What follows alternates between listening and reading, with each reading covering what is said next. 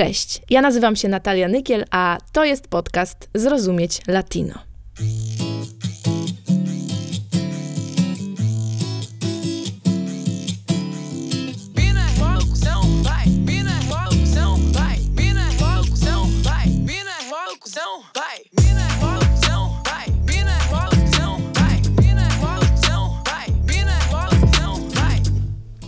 Moją największą życiową pasją jest muzyka. I większość z Was to wie, bo, znamy się z koncertów, znamy się ze sceny, ale moim takim oczkiem w głowie jako słuchacza i, i odbiorcy muzyki jest muzyka latynoamerykańska. Zauważcie, że nawet w polskich radiach jest bardzo dużo utworów w języku hiszpańskim. Czasami nawet zdarzają się utwory w języku portugalskim. A prawda jest taka, że my nawet nie zastanawiamy się nad tym, o czym są te piosenki, nawet jeżeli one są w języku angielskim, który jest dla nas no, trzy razy bardziej przystępny niż te języki łacińskie. Piosenki latynoamerykańskie są mega ciekawe, bo bardzo często niosą za sobą konteksty polityczne, historyczne czy generalnie kulturowe. I w tym podcaście chciałabym Wam o nich opowiedzieć. I na podstawie tych najpopularniejszych piosenek latynoamerykańskich, które znamy właśnie z radia czy generalnie z kultury, e, chciałabym Wam pokazać ten kontynent, Amerykę Łacińską, z trochę innej perspektywy. E, złamać kilka stereotypów i, i spojrzeć właśnie na nią zupełnie inaczej. Jeżeli będziecie mieli jakieś pytania albo sugestie, albo po prostu chcielibyście się podzielić swoją opinią ze mną, to jak najbardziej piszcie do mnie na Instagramie. Nazywam się Nat Nykiel. No dobrze, więc zaczynamy. Jesteście gotowi? Piosenka, od której zaczniemy ten podcast, jest dla mnie oczywistym wyborem, bo to jeden z najpopularniejszych utworów hiszpańskojęzycznych w ogóle na świecie i jestem przekonana, że tę piosenkę znacie wszyscy.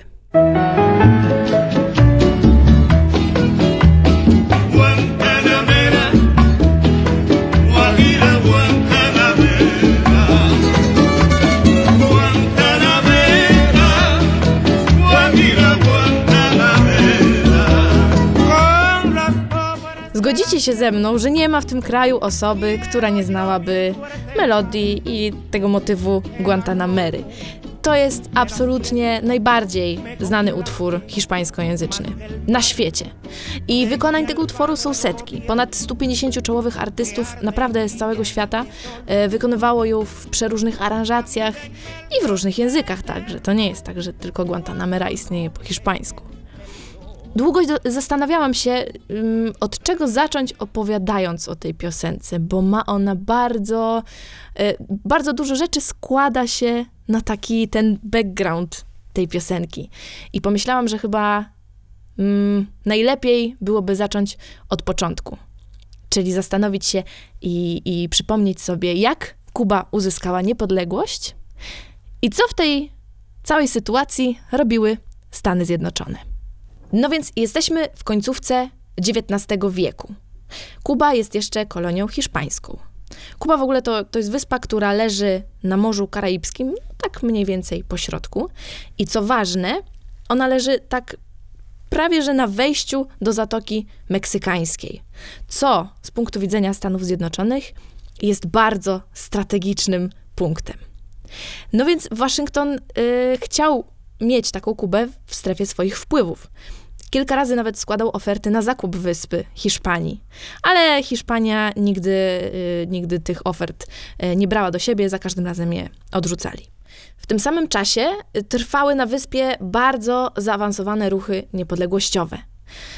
Kubańczycy wysyłali do prasy amerykańskiej, do Stanów Zjednoczonych potajemnie zdjęcia, żeby pokazać, jak brutalnie Hiszpanie ich traktują w, tak, w trakcie tych walk. I musicie wiedzieć, że media generalnie, media, czyli prasa, telewizja i tak dalej, są bardzo potężnym narzędziem, jeśli chodzi o opinię publiczną. I tu taka ciekawostka. Kojarzycie nagrodę Pulitzera? To jest ta nagroda przyznawana w dziedzinach dziennikarstwa, literatury i tak dalej. Bardzo ważna.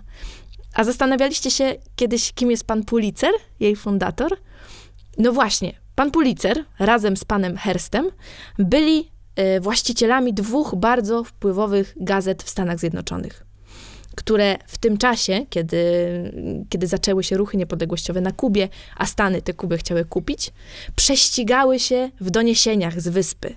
I właśnie publikowały wszystkie te, e, wszystkie te zdjęcia, które Kubańczycy im dostarczali ponieważ okazało się, że to jest bardzo wzięty temat, e, który dodawał tym gazetom bardzo dużo no, popularności, mieli dobrą sprzedaż i tak dalej, i tak dalej. Niestety też były głosy, że często zdjęcia albo artykuły były spreparowane przez samych, y, przez samych dziennikarzy, żeby właśnie wzbudzić większe zainteresowanie. Ale to, co jest najważniejsze, to właśnie to, że ta ilość tych doniesień z Kuby, która się ukazywała w prasie, doprowadziła do tego, że amerykańska opinia publiczna, ta, ludzie w Stanach Zjednoczonych, obywatele, zaczęli naciskać na władzę, na Waszyngton, żeby na Kubie zainterweniował. No i właśnie, mamy 1898 rok i dochodzi do przedziwnej sytuacji która do tej pory nie jest wyjaśniona i jakby nie jest do końca jasna. Mianowicie Stany Zjednoczone wysyłają na Kubę krążownik, no taki duży statek wojenny, o nazwie USS Maine, który został wysłany oficjalnie po to, żeby chronić posiadłości amerykańskie na Kubie. No bo wiadomo, walki niepodległościowe, wszystko się może wydarzyć, trzeba nasze y, interesy chronić. Wszystko ok. Zacumował w porcie w Hawanie i 15 lutego o godzinie 21.40 niespodziewanie wybuchł. Eksplodował. To była ogromna eksplozja. Zatonął praktycznie prawie że z całą załogą. E, to było 260 osób. Dlaczego to było dziwne? No bo do tej pory nie wiadomo, kto to zrobił. A teorie są cztery. Pierwsza to taka, że Hiszpanie podłożyli minę, żeby w cudzysłowie wykurzyć Amerykanów ze swojego terenu. Druga to taka, że był to wynik samozapłonu wewnątrz statku. No, ludzki błąd. Trzecia, że to Kubańczycy y, zaangażowani w walkę o niepodległość doprowadzili do tego wybuchu, żeby sprowokować wojnę. No powiedzieli, że w wyniku takiej wojny będzie im być może łatwiej tę niepodległość osiągnąć i jakby poprowadzić te walki do wyzwolenia. Jest też czwarta teoria, która mówi, że stoją za tym same Stany Zjednoczone, które ewidentnie potrzebowały tylko pretekstu, żeby doprowadzić do interwencji, której oczekiwała ich opinia publiczna. I no, do tej pory nie wiadomo, która z tych teorii jest prawdziwa. Historycy cały czas spierają się na ten temat, ale to, co jest pewne, to to, że właśnie ten wybuch był bezpośrednią przyczyną wybuchu wojny amerykańsko-hiszpańskiej. I ta wojna trwała rok. Zakończyła się odwrotem Hiszpanów i co najważniejsze, niepodległością Kuby. I na razie tę niepodległość weźmy sobie w cudzysłów, postawmy kropkę, bo musimy zwrócić uwagę na jedną bardzo, bardzo ważną postać. A był nią pisarz, poeta, bohater narodowy José Martí. Był on jednym z przywódców tych ruchów niepodległościowych, które, które działy się na Kubie. I tak jak miałabym go porównać e, do jakiejś takiej osobistości, którą znamy e, z naszego polskiego gruntu, to byłby to chyba Adam Mickiewicz. Bo ten Jose Martí był właśnie takim kubańskim trochę wieszczem narodowym. Był naprawdę, naprawdę bardzo ważny. Jak pojedziecie na Kubę, to zauważycie, że w każdej miejscowości, nawet najmniejszej, znajdzie się skwer imienia Jose Martiego, jakieś, nie wiem, popiersie Jose Martiego, ulice jego imienia. E, no, totalnie cała Kuba kocha Jose Martiego. Oprócz tego, że był właśnie pisarzem i napisał dziesiątki książek i wierszy, jego, jego dorobek jest jednym z najważniejszych e, w literaturze Ameryki Łacińskiej, to był właśnie bohaterem narodowym. I co ważne, był ogromnym przeciwnikiem jakichkolwiek ingerencji Stanów Zjednoczonych w sprawy Kuby. I tu jest taka gwiazdka, zapiszcie to sobie w głowie, bo to jest ważna informacja. No i dobra, Kuba uzyskała niepodległość. Wspaniale. W Hawanie w dzień zwycięstwa zawisa flaga Stanów Zjednoczonych, a nie Kuby. Chwilę wcześniej w Stanach Zjednoczonych pojawiło się coś takiego jak poprawka Tellera. Czyli poprawka, która mówiła o tym, że Stany w ogóle wyrzekają się zamiaru sprawowania kontroli nad Kubą. i deklarują, że oddadzą ją ludności kubańskiej, no na przykład y, w wyniku tej wojny, która się wydarzyła. No i pięknie, wszystko pięknie, ale coś tu chyba jest nie tak, no bo Dzień Niepodległości Kuby, Dzień Uzyskania Zwycięstwa, a w Hawanie jednak zawisa flaga Stanów Zjednoczonych. Dwa lata później pojawia się coś takiego jak poprawka Plata. I to jest bardzo ważny dokument, bo daje Stanom Zjednoczonym prawo do interwencji w sprawy kubańskie. No i teraz wyobraźmy sobie, powstaje takie prawo, które mówi, że jeden kraj może ingerować w sprawy drugiego, co oznacza, że może go kontrolować. Oczywiście, wszystko po to, żeby pomóc i żeby chronić nowo powstałe państwo kubańskie.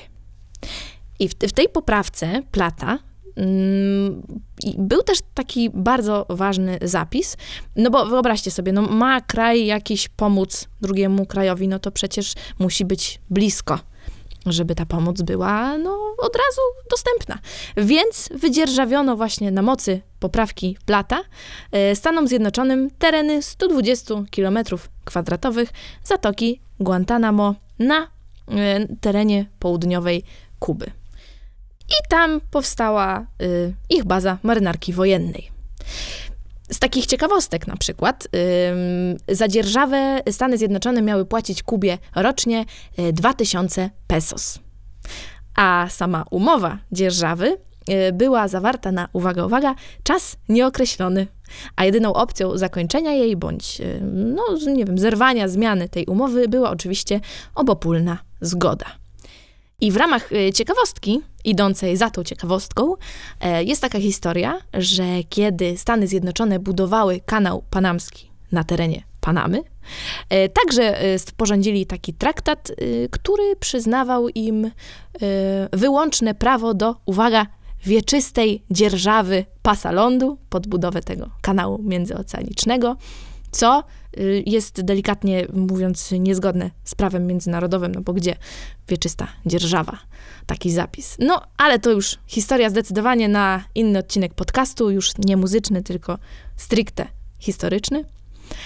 A tymczasem przejdźmy do, do naszej piosenki, czyli za chwilę porozmawiamy sobie o tym, jak powstała, ale Teraz chciałabym Wam e, pokazać, udowodnić to, że na, faktycznie Guantanamera została nagrana w wielu językach, także w języku polskim.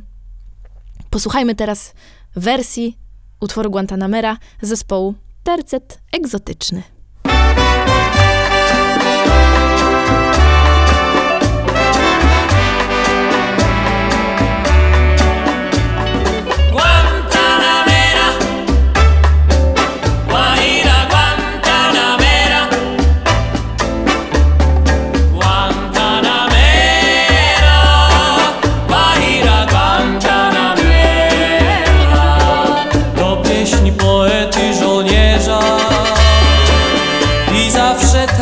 Zostanie.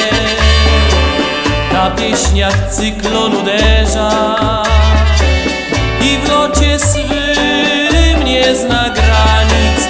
Szturmuje brzeg Guantanamo Raduje nas wciąż tak samo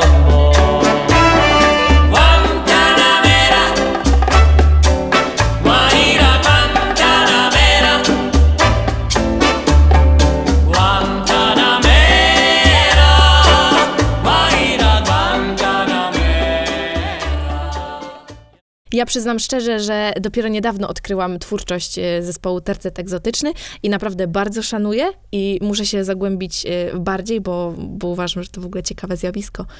E, że, że w naszym kraju powstał taki zespół wykonujący, wykonujący muzykę latynoamerykańską po polsku i to, i to w bardzo dobrym stylu, więc bardzo serdecznie tutaj zachęcam i, i ja też na pewno rzucę, rzucę oko na repertuar tercetu.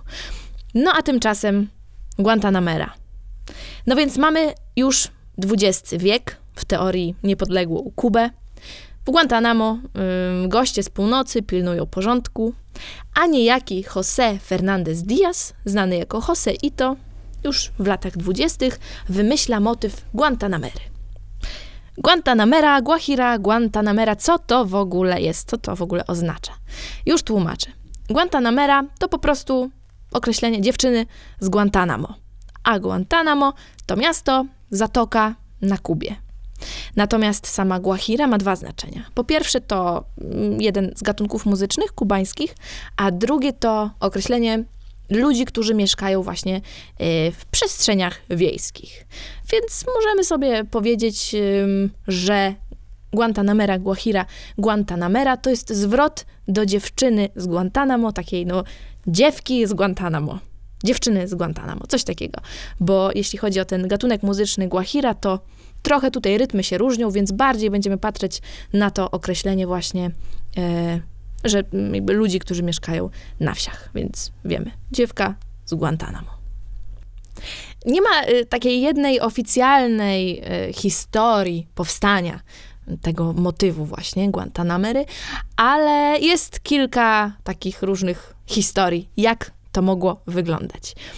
Pierwsza z nich to ym, wiejska potańcówka. Joseito y, raz, siedzi razem ze swoimi kolegami. No i jeden z nich tutaj próbował zaczepić jakąś dziewczynę na ulicy, ale krzyknął do niej coś y, chyba obraźliwego, bo, bo ona uniosła się i też coś odpowiedniego mu odpowiedziała. No i ten jeden z kolegów powiedział do Joseita takie zdanie. Eh, que se abra figurado la guajira guantanamera esta. Co w wolnym tłumaczeniu może oznaczać, ach, co sobie myśli ta dziew dziewka z Guantanamo. no, że go tak olała oczywiście. I od tego mogło, to mogło zainspirować Joseita właśnie do, do stworzenia tego motywu muzycznego. Kolejna historia jest taka, że Joseito gra na gitarze, też w jakiejś tam przestrzeni y, miejskiej mm, i widzi różne piękne kobiety, które mu tam przechodzą przed oczami i on je tak zaczepia, bo na przykład wie, że tutaj pani przyjechała z miejscowości Vuelta Bajo, a pani tutaj przyjechała z miejscowości Camagüey. I na przykład e, zmienia właśnie ten, ten motyw, e, wybierając miejscowości, z których te panie przyjechały i na przykład śpiewa Vuelta Bajera, Guajira, Vuelta Bajera, albo do tej drugiej pani śpiewa Camagüeyena, Guajira, Camagüeyena. No to można tak łączyć właśnie Guantanamera, Vuelta Bajera, Camagüeyena i tak dalej, i tak dalej. No ale problem zaczyna się w momencie, kiedy na tej właśnie imprezie, imprezce, fieście, chciałam połączyć te dwa słowa, pojawia się kobieta, która jest zakochana w Joseito i zawsze przynosiła mu kanapki na te występy i się tak w nim podkochiwała. I pewnego dnia właśnie zobaczyła, jak on, jej ukochany, przymila się właśnie w taki muzyczny sposób do innych kobiet. I ona szła z tą kanapką do niego i rzuciła tak teatralnie tą kanapką. No i Joseito to zauważył i wiedział, że ta właśnie e, dziewczyna jest z miejscowości Guantanamo i specjalnie dla niej wtedy zaśpiewał Guantanamera, Guajira, Guantanamera. No, czyli można powiedzieć, że oryginalnie piosenka mm, Guantanamera była taką piosenką zaczepną. Jest jeszcze jedna teoria, która mówi, że sama melodia Guantanamery wywodzi się w, z bardzo dawnych y, tradycji samej miejscowości Guantanamo i sięga dużo, dużo dalej niż początek XX wieku. W tamtym czasie y, Guantanamera była, jakby miała stały refren, a zwrotki były zazwyczaj improwizowane, mm, no właśnie na takich spotkaniach, y, w zależności od tego, co się działo na bieżąco, o czym chciano śpiewać, o tym śpiewano, y, no taki freestyle powiedzmy. Improwizacja. Natomiast w 1935 roku Joseito podpisał umowę na wykorzystanie Guantanamery w programie radiowym – i to w takiej dosyć nietypowej formie. Program nosi tytuł El Suceso del Dia, czyli no, sukces dnia, program informacyjny generalnie o tym, co wydarzyło się w tym dniu. I co ciekawe, opowiadał historię z tak zwanego kronika rocha, czyli czerwonej kroniki, która jest, y, która jest działem w tych mediach informacyjnych, opowiadającym o na przykład y, historiach y, zabójstw, y, zaginięć, katastrof naturalnych, wypadków i tak dalej, i tak. Więc wyobraźcie sobie, że te historie były inscenizowane za pomocą piosenki Guantanamera. Czyli refren zostaje ten sam, Guantanamera, Guajira, Guantanamera, a zwrotki, no to cały przebieg na przykład morderstwa. i zaraz po nim z powrotem Guantanamera, Guajira, Guantanamera. Słuchajcie, ten program trwał aż 14 lat. Był odbierany w domach zarówno najbiedniejszych, jak i najbogatszych w stolicy i na wsiach, wszędzie. Cała Kuba znała motyw Guantanamery. I po tych 14 latach piosenka była tak kojarzona właśnie z tymi historiami zabójstw, że do mowy potocznej weszła taka fraza, takie powiedzenie, że jeżeli komuś zdarzył się jakiś wypadek, y, ktoś umarł, no jakieś zabójstwo, różne, różne sytuacje, to mówiono, że śpiewali mu Guantanamera.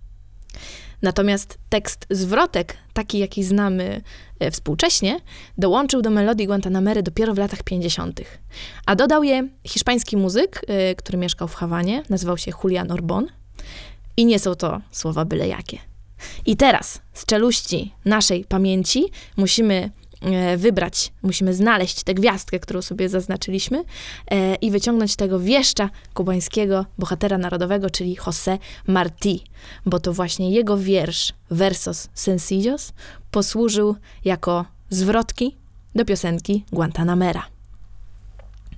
Piosenka na Kubie już wtedy była bardzo popularna właśnie ze względu na, na ten program ra- radiowy, ale taką międzynarodową sławę przyniosło jej dopiero nagranie, nagranie wersji studyjnej przez amerykańskiego muzyka folkowego, e, który nazywa się Pete Seeger. I to działo się w latach 60. Pete Seeger e, totalnie pokochał ten utwór. Usłyszał go gdzieś na korytarzu e, w szkole muzycznej, kiedy kubański muzyk uczył dzieci grać e, ten utwór na gitarze. Pete wydał tę piosenkę na swojej płycie i Guantanamera poszła w świat. Posłuchajcie fragmentu jego występu właśnie z piosenką Guantanamera. Yo soy un hombre sincero, de donde crece la palma. Yo soy un hombre sincero, de donde crece la palma, antes de morir me quiero, echa mis versos del alma. Guantanamera, Guajira Guantanamera, Guantanamera. No więc właśnie, więc o czym jest ta Guantanamera, którą znamy? O czym są jej zwrotki? Dlaczego tylu artystów z całego świata wciąż na nowo nagrywa ten utwór w swoich aranżacjach? Ludzie cały czas tłumaczą tekst tej piosenki na kolejne języki. Co jest takiego ważnego w tej piosence? Posłuchajcie tłumaczenia tekstu zwrotek, czyli fragmentu Versos Sencillos José Martiego. Ja jestem szczerym człowiekiem, ze stron, gdzie palma kraj zdobi, i zanim umrę, chcę wszelkie z duszy mej wiersze wydobyć. Pielęgnuję różę białą, w lipcu, w styczniu ją opielam, dla szczerego przyjaciela, co mi poda rękę. A dla złego, który całą siłą serce mi wyrywa, nie rośnie u mnie pokrzywa. Pielęgnuję białą różę. Z biedakami na tej ziemi chcę mój cały los powiązać. Potok górski wśród kamieni, milszy mi niż fale morza. Leopard wśród traw i ziela ma siedzibę w górskim lesie. Niż leopard ja mam więcej. Mam dobrego przyjaciela. Tłumaczyła Zofia Szlejen. Guantanamera uchodzi za pieśń patriotyczną. To jest taki trochę hymn do niepodległości, do miłości, wolności, do sprawiedliwości społecznej. Ta piosenka to jest takie świadectwo tożsamości kubańskiej i nawet nie tylko kubańskiej, ale generalnie wysp karaibskich i krajów Ameryki Środkowej. Posłuchajcie tego. Jestem szczerym człowiekiem z kraju, w którym rośnie palma, zarówno dla serdecznego przyjaciela, jak i dla okrutnika, który wyrywa mi serce, hoduje białą różę i z biednymi tej ziemi chce dzielić moje szczęście. Ten utwór jest bardzo często wykorzystywany na przykład na pokojowych manifestacjach. E, Ostatnio na przykład e, przy okazji zaostrzania ustaw imigracyjnych w Stanach Zjednoczonych. Ten utwór niesie za sobą naprawdę taką, taką czystą dumę i radość z bycia człowiekiem, z bycia Kubańczykiem, który urodził się właśnie w tym konkretnym miejscu, w tej konkretnej przyrodzie, chce być szczęśliwy, nie chce wzniecać wojen. To jest bardzo, bardzo pokojowy, piękny tekst, który mówi o tym, że chcemy mieć przyjaciół, dzielić z nimi radość, nie chcemy wojen. Guantanamera idzie w świat właśnie w takiej formie. A co dzieje się na samej Kubie? Stany Zjednoczone e, cały czas są w bazie Guantanamo, mają się bardzo dobrze. Chociaż władze kubańskie bardzo szybko zaczęły y, dążyć do tego, żeby tę umowę zrewidować bądź zerwać mm, o tej dzierżawie. I nawet w ramach protestu nie spieniężyły ani jednego czeku z roczną zapłatą za ten teren. No, jak się możecie domyślić, nie udało się zerwać tej umowy i baza w Guantanamo cały czas jest. Tak jak wspominałam wcześniej, zakończenie tej umowy musiałoby się odbyć za obopólną zgodą, na co oczywiście zgody Stanów Zjednoczonych nie ma. Co więcej, e, wszyscy wiemy, co się wydarzyło 11 września ym, w Nowym Jorku. Po zamachu terrorystycznym na World Trade Center Stany Zjednoczone wytoczyły totalną wojnę terroryzmowi. I w Guantanamo właśnie powstało więzienie o zaostrzonym rygorze dla, jakby przeznaczone dla osób podejrzanych o terroryzm.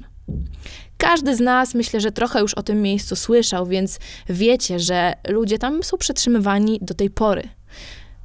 Najgorsze jest to, że ludzie tam, więźniowie, tkwią bez postawionych zarzutów, bez żadnych podstaw prawnych, bez prawa do adwokata, bez kompletnie żadnych praw.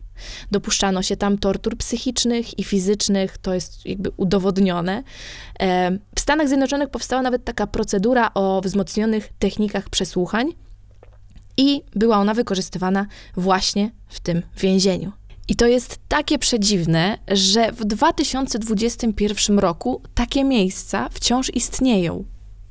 Paradoks prawny tego miejsca w ogóle polega na tym, że oficjalnie no nie jest to terytorium Stanów Zjednoczonych, więc e, jurysdykcja Stanów Zjednoczonych tam nie sięga. Ale oficjalnie nie jest to też teren Kuby, ponieważ jest to teren wydzierżawiony innemu krajowi, więc teoretycznie nie ma kto wziąć odpowiedzialności takiej oficjalnej za to miejsce. Znacie już najważniejsze fakty historyczne, które bardzo mocno e, odcisnęły swoje piętno na tej Kubie, którą znamy dziś, na jej kształt. Oczywiście nie wspominałam tutaj o rewolucji e, Fidela Castro. E, ona jest szalenie ważna, ale nie masz takiego bliskiego związku z, z piosenką Guantanamera, o której roz, rozmawiamy. E, ale zbierzmy teraz te wszystkie informacje w jeden punkt. Zobaczcie, Zatoka Guantanamo to jest taki trochę, no, symbol imperializmu Stanów Zjednoczonych. Baza marynarki wojennej, więzienie, pełne jakby okrucieństwa, no jakby więzienie Guantanamo jest totalnie symbolem okrucieństwa. A z drugiej strony piosenka Guantanamera, kierowana do dziewczyny właśnie z Guantanamo, która jest y, patriotycznym y, wyrazem właśnie tożsamości kubańskiej. Jest pełna jakby takiej dobrej, y, dobrej emocji, pozytywnego przekazu. To brzmi trochę jak, jak ironia losu, też zważywszy na to, że José Martí, czyli autor versos sencillos, które są zwrotkami Guantanamery, zawsze bardzo mocno podkreślał, że jest przeciwny ingerencji jakiejkolwiek Stanów Zjednoczonych na Kubie. A historia potraktowała te jego marzenie zupełnie odwrotnie. Mam nadzieję, że rzuciłam wam trochę nowego światła, zarówno na piosenkę Guantanamera, jak i na samą Kubę. Być może w niedalekiej przyszłości odwiedzicie ten piękny kraj i spojrzycie na niego właśnie z innej perspektywy. A teraz z workiem nowych informacji i ciekawostek posłuchajmy piosenki Guantanamera w wykonaniu jednego z moim zdaniem najwspanialszych e, muzyków kubańskich, czyli Compaya Segundo.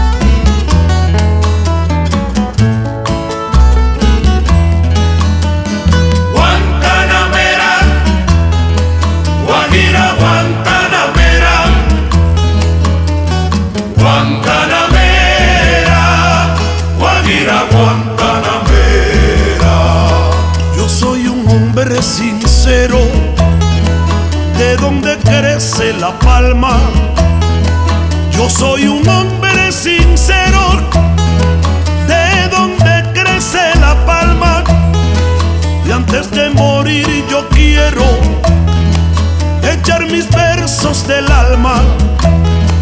Y antes de morir yo quiero echar mis versos del alma.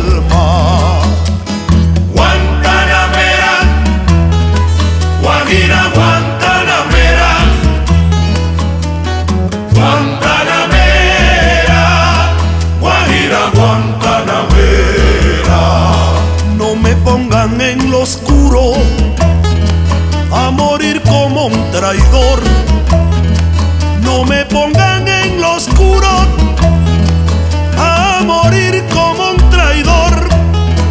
Yo soy bueno y como bueno moriré de cara al sol. Yo soy bueno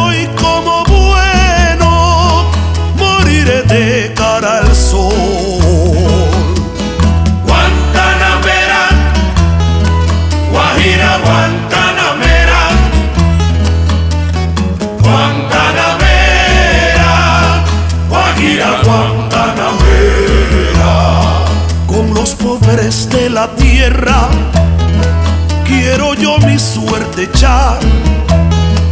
Con los pobres de la tierra quiero yo mi suerte echar. El arroyo de la sierra me complace más que el mar. El arroyo de la sierra me complace más que el mar.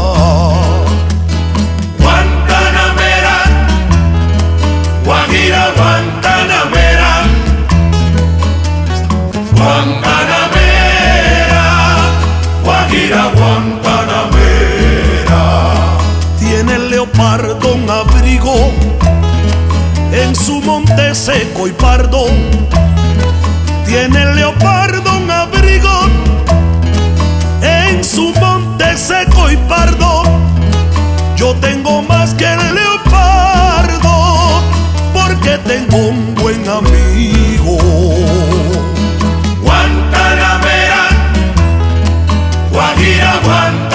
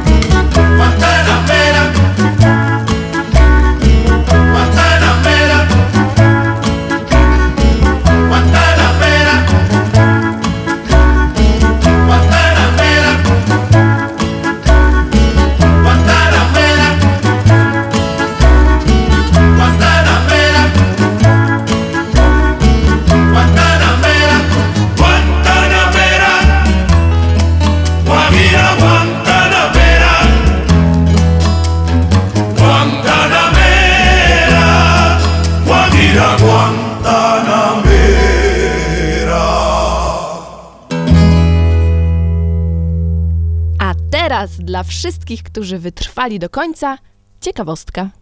Czy wiedzieliście, że jednym z największych dóbr eksportowych są na Kubie lekarze? Od 2005 roku Kuba stała się jednym ze światowych liderów, jeśli chodzi o liczbę lekarzy na 10 tysięcy mieszkańców, bo jest ich aż 67. I dla porównania, x razy większe Stany Zjednoczone mają ich tylko 24 na 10 tysięcy mieszkańców. Obecnie w 67 krajach pracuje około 50 tysięcy kubańskich lekarzy i nazywają ich armią białych fartuchów. Miłego dnia i do usłyszenia.